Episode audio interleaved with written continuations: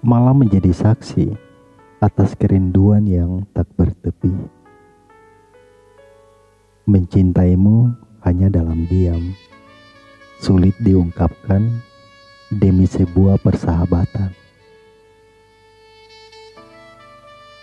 Apalah arti cinta jika hanya kasihan, bukan tulus apa adanya.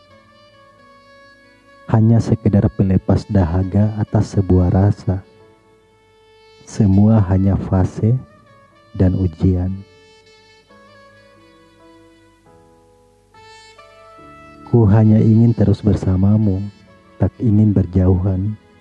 Cukup cinta dalam diam, karena melihatmu bahagia sekarang, itu lebih baik daripada memaksakan perasaan.